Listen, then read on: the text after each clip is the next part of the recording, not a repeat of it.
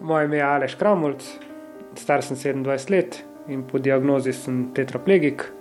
Imam lastno malo podjetje, se ukvarjam z marketingom in razvojem aplikacij in iger in tudi druge programske opreme. Iz tega Aleševega kratkega opisa zveni, kot da tetraplegija ni nekaj, kar bi mladega človeka, ki zdaj samostojno živi v Ljubljani in ima svoje podjetje, prav posebej omejevalo. V resnici pa že desetletje močno kroji njegovo usodo, a tudi usodo njegovih družinskih članov. Pred desetimi leti sem imel prometno nesrečo. Predtem sem bil popolnoma zdrav, bolj ali manj povprečen mladostnik, najstnik in otrok. 15. augusta sem pa doživel prometno nesrečo pod vplivom alkohola. Sicer bilo je tako, da smo bili pri enem kolegu, kjer smo ga mal žurali zvečer, se pil tudi sam, sem popil kar nekaj alkohola, sem se ulegel v poslo, pozno po noči, okoli druge, pol tretje ure. In se nič več ne spomnim, potem okoli pol petih nekje sem postal iz poste sedel v avto in sem se pripeljal en kilometr približno, ker sem zgubil oblast nad vozilom in šel čelno od drevo. Glede na poškodbe avtomobila kaže, da bi se nesreča za Aleša končala z bistveno blažjimi posledicami, če bi vozil pri pet. Tako pa je po devetih dnevih v komi lahko premikal le eno ramo. Ko se zbudiš tam, zgleda nekako tako, pokol so vse posod neki ekrani, monitorje, vse piska. Po telesu, kjerkoli imaš luknjo, imaš celko, če pa lukne ni, pa naredijo, da daj celko not. Eh, dobesedno tako. Če pa sam pomisliš, premikati se ne moreš, če pa sam pomisliš, da bi se premaknil. Pa vse začne še bolj piskati, pa kar enkrat so vsi okoli tvoje posle. Tudi zaradi silnih odmerkov protibolečinskih sredstev ne moreš takoj razumeti, kaj se je zgodilo, opisuje Aleš. Pri meni je bilo še tako, da sem celo telo čutil, v bistvu premikati se pa nisem mogel od vratu navzdol nič. In mi ni, bilo, ni mi bilo pa jasno, za kakšno poškodbo gre. In se tudi polk ti pojejo, se ne dojameš, se, se ne dojameš, kaj to pomeni. Ker so se rane hitro celile, je bolnišnico lahko zapustil že po dveh mesecih. Zdravljenje se je nadaljevalo na inštitutu za rehabilitacijo in, in Aleš odkrito pove, da je pričakoval dolgo rehabilitacijo, po kateri pa bo odkorakal dokaj normalno življenje. No, cilji strokovnjakov v inštitutu pa so bili doseženi že, ko je lahko sam kaj malega pojedel in znal upravljati z invalidskim vozičkom. Zato je zdravljenje samo inicijativno nadaljeval doma. Takrat pa jaz rad rečem, da se prava rehabilitacija šele začne, ko se ti vrneš v domače okolje, v socialno okolje, v tem novem, drugačnem stanju. Takrat začneš spoznavati, če se več ne moreš, kaj, kaj je zdaj drugače in opažati prave posledice, ki jih bo to pustilo. Takrat začneš nekako dojemati. Pri meni je bil ta postopek, da sem nekako dojel, bom rekel, kar verjetno nekje do dveh let, da sem sploh dojel. To ne da spremeš, sprejemanje je pa. Govorim zase, nekateri prej, nekateri kasneje. Ampak ja, lahko rečem dve leti, da je trajalo, da sem sploh dojel dejansko. Kaj ti preskok od dneva, ko je odšel od doma kot popolnoma zdrav najstnik, pa do takrat, ko so ga po nekaj mesecih skoraj negibnega pripeljali domov, je nepopisen. Ker na začetku, ki je bila moja poškodba tako huda, sem ti sam ne moš obrniti posle. Ne smeš pa predolgo ležati na eni strani, ker lahko dokaj hitro nastanejo rane. In te mora nekdo po noč hoditi obračati, pomagati. Eh, da se zrihtaš zjutraj, da ostaneš, zvečer, da greš spat. V bistvu vseeno. Tudi ko je tudi nobene zasebnosti več ni. Res je, res je ena taka neprijetna situacija. Potem so tukaj od prebavnih motenj do težav z odvajanjem vode, eh, krčov, preležanin, se pravi teh dekubitusnih ran. Odvisen si od drugih pri hranjenju, higieni, pri res vsem, pravi Aleš. Imeti doma tako hudega invalida vedno pomeni, da se mora vsaj eno družinskih članov popolnoma posvetiti negi in pomoči. Sam je imel v družini neizmerno podporo, popolnoma so morali preurediti in prilagoditi hišo, mama je ostala doma, podpirali so ga tudi nekateri prijatelji, ki so bili ob njem vsa leta okrevanja. Kljub temu je za mladostnika to silo težko. Takrat sem seveda pogrešal šport, veliko sem se ukvarjal s športom, tudi fizično sem delal predtem. Mali nogomet sem igral, s paintballom sem se ukvarjal, predtem sem košarko treniral.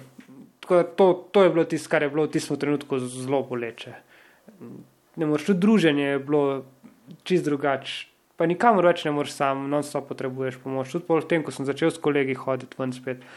Nekdo ti mora pomagati v avto, nekdo ti mora pomagati z avto, nekdo ti pomaga na stranišče. Mislim, tako, ne moreš dolgo sedeti, moraš iti ležati. Moraš, mislim, res tako, so drugi socialni odnosi, se pravi s puncami. Sem, te, dobiš en kup tako zadržkov, ne veš kako. In te stvari so bile takrat najtežje, res. In čeprav Alež govori predvsem o svojih doživljanjih sprememb, močno poudari, da se svet seveda ni spremenil le zanj. Jaz to vedno poudarjam tudi mladim, ker marsikdo mlad in tudi jaz sem včasih tako razmišljal. Jaz se kaj pa pol, če pijem, pa vozim, vse če se bom polamil, pa sebe polamil. To ne drži. Prvo, kar je tudi, če se to tebi zgodi, ali pa v tem primeru, mislim, kot se je meni, to se ne zgodi samo po nesrečencu, to se zgodi celi mikrookolici, to je družina, ali so to starši, otroci, bratje, sestre, partner, najožji prijatelji, to se vsem skupaj zgodi. In mislim, da starši oziroma ti najbližji svojci pogosto bolj trpijo, ali pa vsaj toliko kot mi. Šest let vsakodnevnih intenzivnih vaj in dolgotrajnih rehabilitacij je trajalo, da je Aleš Kramolc lahko zaživel dokaj samostojno življenje. Pol najhujši, ampak ta fizična rehabilitacija ta kar nekako greno. Vse v mojem primeru je kar dobro šla z psihičnimi posledicami, oziroma s psihično rehabilitacijo je malo več težav v mojemu primeru. Najhujši je občutek pol nekoristnosti. Vsem si samo breme, vsi imajo samo delo s tabo. In ko tako nekaj cajt to razmišljaš, priješ do zaključka, ja, bolje bi bilo, če me ne bi bilo. Ko priješ pa do tega zaključka, je pa logična naslednja misel samo mora. Naj se razrečo, zato nisem odločil, ampak vsem pa zapadeš v tako neko, neko depresivno stanje. Pa. Jaz sem imel srečo, ne vem, sem, ogromno sreče je, da sem naletel na neke ljudi in da sem se začel tudi z neko duhovnostjo, pa z osebnim razvojem spoznavati. In pol eno z drugo, fizično napreduješ, psihično napreduješ, eno z drugim gre. Je pa to, kot sem rekel, kar par letni proces, da, da potem postaneš spet neka stabilna oseba. Ali še zdaj to nedvomno je, končal je tudi šolo in se zaposlil. Po poškodbi sem se vrnil v šolo, sem končal ekonomsko šolo, ekonomski tehnik, na kar sem se prvič samo zaposlil v transportni logistiki. Sem delal par let to, Vmes sem se malo z marketingom ukvarjal, drugim, neformalno sem se ogromno izobraževal. Pol sem se pa znašel v tej industriji, se aplikacije, igre, programska oprema. Delal sem za podjetje Ekipa 2, DO, ki je čerinska družba, družba Outfit 7, zdaj sem s Talking Tomom delal. Na kar sem pa zdaj spet odprl svoje podjetje in sem šel lastno pot naprej.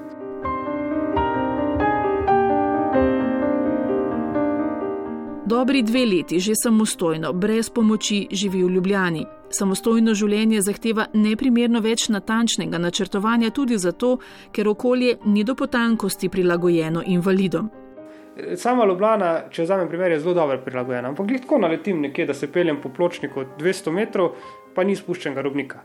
In zdaj imam možnost, da grem 200 metrov nazaj, pa grem tam dol, pa nazaj spet, ali pa počakam par minut, pa upam, da bo šel nekdo mimo, da mi pomaga čez rubnik. Čeprav sam zmore veliko in je zdravstveno in fizično v veliko boljšem stanju od tistega, ki so mu ga napovedovali strokovnjaki, pa priznava, da do letos, ko je od nesreče minilo deset let, javno o svoji nesreči ni zmogel govoriti. Rabi si čez to, da, da, da zmoreš javno reči, ja, jaz sem bil pijan, povzročil sem prometno nesrečo. Prosim, ne dela tega. Jaz sem tako posameznikom, sem lahko govoril, pa se je vedel, ni bilo. Ampak, da bi pa javno to povedal, je pa kar velika stvar, ker smo zelo dvolična kultura, kar se tiče eh, alkohola. Alkohol je nekaj zelo sprejemljivega, oziroma preveč sprejemljivega, po mojem mnenju. Čisto normalno je, da se pije. Celo je normalno na nek način, da se vse, res, veliko ljudi pijanih sede v avtu, vse, če ne drugače, vse kako pivo ali pa dva. To je vse sprejemljivo, ko se pa kaj zgodi, ko pa povzročiš prometno nesrečo pod vplivom alkohola potem si pa najslabši, zelo pogosto, si zelo slab. Se pravi, vsi lahko to počnemo, dokler se nekaj ne zgodi. Tismo, ko se je pač to zgodil, je pa slab. In tukaj smo zelo dvolični in zaradi tega sem rabo malo dlje. In tudi sam, da si oprostiš, pa da sam sprejmeš. Zdaj kot ambasador zavoda še zmeraj vozim, vendar ne hodim dijakom zadnjih letnikov srednjih šol svojo zgodbo in vse spremembe, ki jih taka poškodba prinese, podrobno ponazarja na predavanjih, da nihče več zgolj zaradi alkohola ali podobnih substanc, pa objestnosti ali nepazljivosti ne bi preživljal take tragedije, kot so jo Aleš in njegovi bližnji. In oni vidijo zdaj, da sem jaz na vozičku, ampak se jim to nekako nasmejan, aktiven, se jim zdi to. Potem, ko jim pa predstavim, kaj pa je dejansko ta poškodba prinesla, in na kratki, in na dolgi rok spremembe, tisto trpljenje in tvoje, in družine, in potem te bitke. Ker škoda je čas zgubljati v takih čudovitih letih, da se naučiš hlače obleči, majico obleči, prvo majico sploh. Kakšne nogavice so že večji projekt, eh, nasploh pa da vse te dnevne aktivnosti, se pravi, ki jih jemljemo, da vse tega ni več. Se pravi, družba, žuranje, eh, punce, spolnost in tako naprej. In mislim, da se jih tiste jih dejansko dotakne, ko, ko poglobljeno vidijo, kaj, kaj dejansko pomeni poškodba hrtenjača, oziroma kakršna koli taka hujša poškodba. Tam se mi zdi, da se jih dotakne. Kot vedno podarim, nesreče se dogajajo, nažalost. Ampak dajmo preprečiti tisto, kar se da preprečiti. Bodimo odgovorni, kolikor smo lahko. In tam tistim da misliti, da mogoče pa se ne splača. Ker ko vidiš, kaj se lahko zgodi, in tudi to, če bi rekel, ja, to se pa meni zgodil, pa to je en primer. Ne, ti primeri se na dnevnih bazi dogajajo, samo v Sloveniji, pa koliko majhni smo. Zdaj pa če pogledamo cel svet. In tudi možnosti, da se bo to nekomu zgodilo, so nažalost večje, kot pa si mislimo, da so. Ob številnih dejavnikih, kot so upoštevanje cestno-prometnih pravil, vožnja brez vpliva kakršnih koli substanc, pa pripenjanje z varnostnim pasom in vpliv motilcev, kot so mobilni telefoni in druge naprave, alež dijake, bodoče voznike posebej opozori še na pogosto spregledan, a za mladostnike tako pomemben vpliv. To je pa vrstniški pritisk. Čist drugače razmišljamo kot 18-19-letnika, smo sami v avtomobilu, ali smo starši v avtomobilu, ali pa če sedem z prijateljem ali pa z večjo družbo v avtu. In ko se kriči, ko so distrakcije, ko se nari, ko ti mogoče še kdo pritiska na te, da je pa, pa bolj hiter, pa da je to pa prehitga. Omalovaževanje vpliva alkohola ali drugih substanc je velik problem, opozarja Aleš Kramlc. Ker zanimivo je, ljudje, ki vejo, kaj se je meni zgodilo, so me ful let po poškodbi, ko jaz nisem hotel pač popiti, kaj če sem bil zauzemen, da eno pivo pa lahko piješ. Ne, ne, ne, mislim, če me to ni izučilo, kaj me bo. In tudi to se njim dogaja, kaj pa koliko si pa popil in tako se lahko. Sploh pa si ljudje ne predstavljajo, kaj opitost za volanom v praksi pomeni.